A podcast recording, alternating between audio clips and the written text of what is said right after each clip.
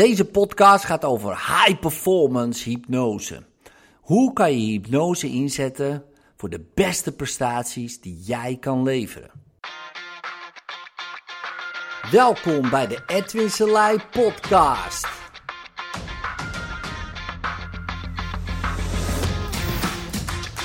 Voor inspiratie, stimulatie en motivatie om je dag goed door te komen.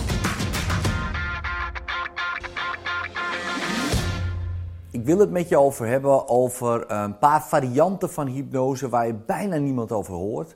uh, iedereen kent wel de variant van uh, de showhypnose, heb je vast wel eens gezien. Denk eens aan Rusty Rostelli of andere showhypnotiseurs. En dat mensen allemaal een, beetje, een beetje aparte dingen doen op een podium. dat is wel de meest bekende variant. Dan hebben we ook nog de variant de hypnose en de therapie. Wordt gelukkig steeds bekender.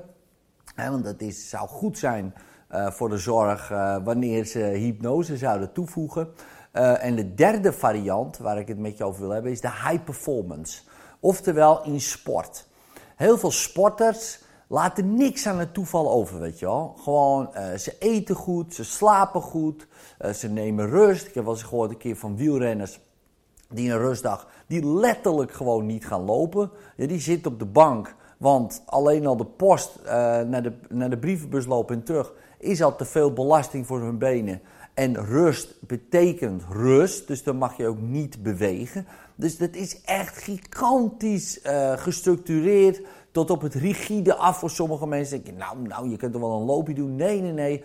Die gaan alles, alles uh, doen ze. Uh, alleen het mentale stuk, dat is dan random. Dat laten ze een beetje aan het toeval over. Ja, moet even kijken hoe de dag voelt, weet je wel. Dat is echt heel gek als je erover nadenkt. dus dan doe je je voeding supergoed. Alles doe je goed. Uh, beweging doe je supergoed. En dan laat je het hier afhangen van toeval. Nou, dat is heel vreemd. als topsporter, wanneer je dit zit te kijken, denk er maar eens over na. Dat is gewoon vreemd. Want hoe zou het zijn als je altijd in vorm zou zijn? Zij zeggen, Edwin, uh, dat kan niet, weet je wel. Dat heeft allemaal te maken met allerlei factoren, precies. Allerlei factoren. Ja, waar jij, uh, zeg maar, door beïnvloed wordt. Maar stel je voor, die factoren, daar word je niet door beïnvloed. Ik noem maar een dwarsstraat. Bijvoorbeeld, er gebeurt iets heel ergs. We hebben het gezien bij het Nederlands elftal jaren geleden. Uh, een van die spelers, uh, zijn dochtertje, overlijdt. Nou, dat is impact.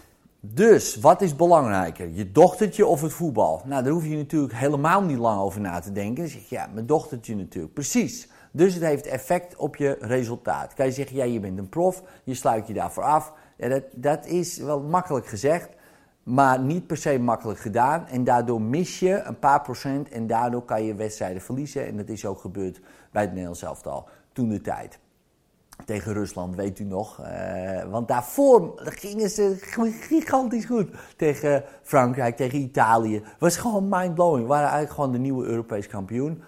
Uh, maar door die situatie, die natuurlijk verschrikkelijk is en die alles overstijgt, dat je denkt, ja, we kunnen mij schelen, Europees kampioen, um, heeft het effect.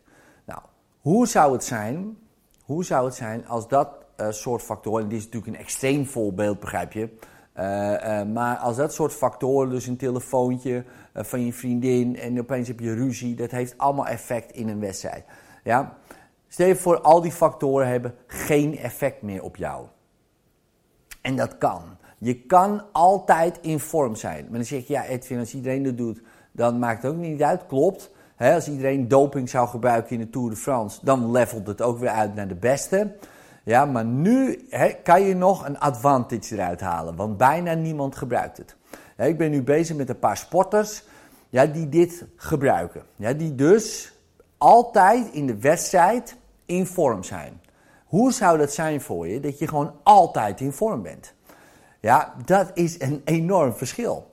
En, en kijk, als iedereen altijd in vorm is, wordt het toch weer vanzelf weer: oké, wie uh, is de beste en wie laat het niet liggen? Uh, op andere punten. Maar nu zie je dat heel veel sporters het laten liggen daar. Nou, wat kan je doen met hypnose? Je kan dus met hypnose die ideale staat gewoon continu oproepen. dus vlak voor een wedstrijd, ik ben nu bezig met een, eh, met een professionele vechter. Dus vlak voor de wedstrijd, boom, komt hij in de zone. Dat kan hij zelf oproepen. Of hij uh, heeft mijn hulp nodig. Hoe het ook is, hij roept het op.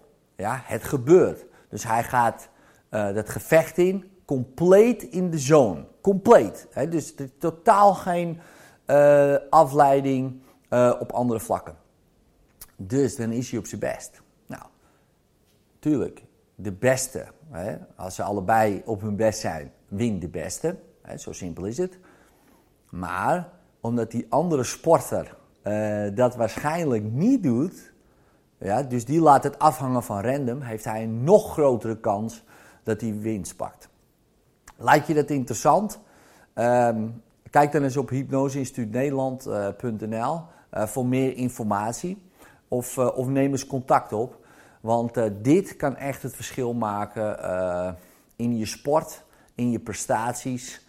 En ook of je natuurlijk ja, wel of niet op het podium komt. Succes!